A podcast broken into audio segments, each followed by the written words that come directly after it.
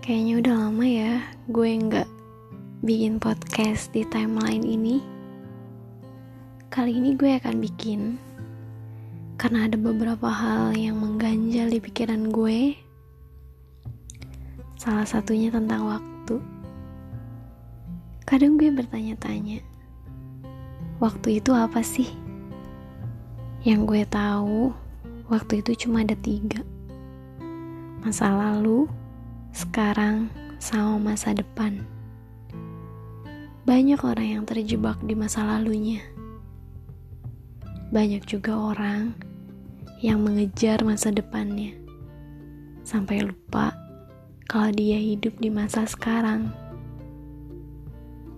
Ada yang pernah bilang, "Young men talk about the future because they have no past, but old men talk about the past because they have no future.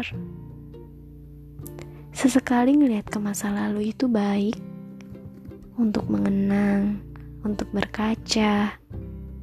Tapi kalau terjebak, hal itu akan menghambat kita untuk terus maju dan menghambat kita untuk menikmati masa sekarang. Begitu juga masa depan. Mempersiapkan segala sesuatunya baik, tapi kalau terlalu mengejar, kita nggak akan bisa menikmati masa sekarang ini.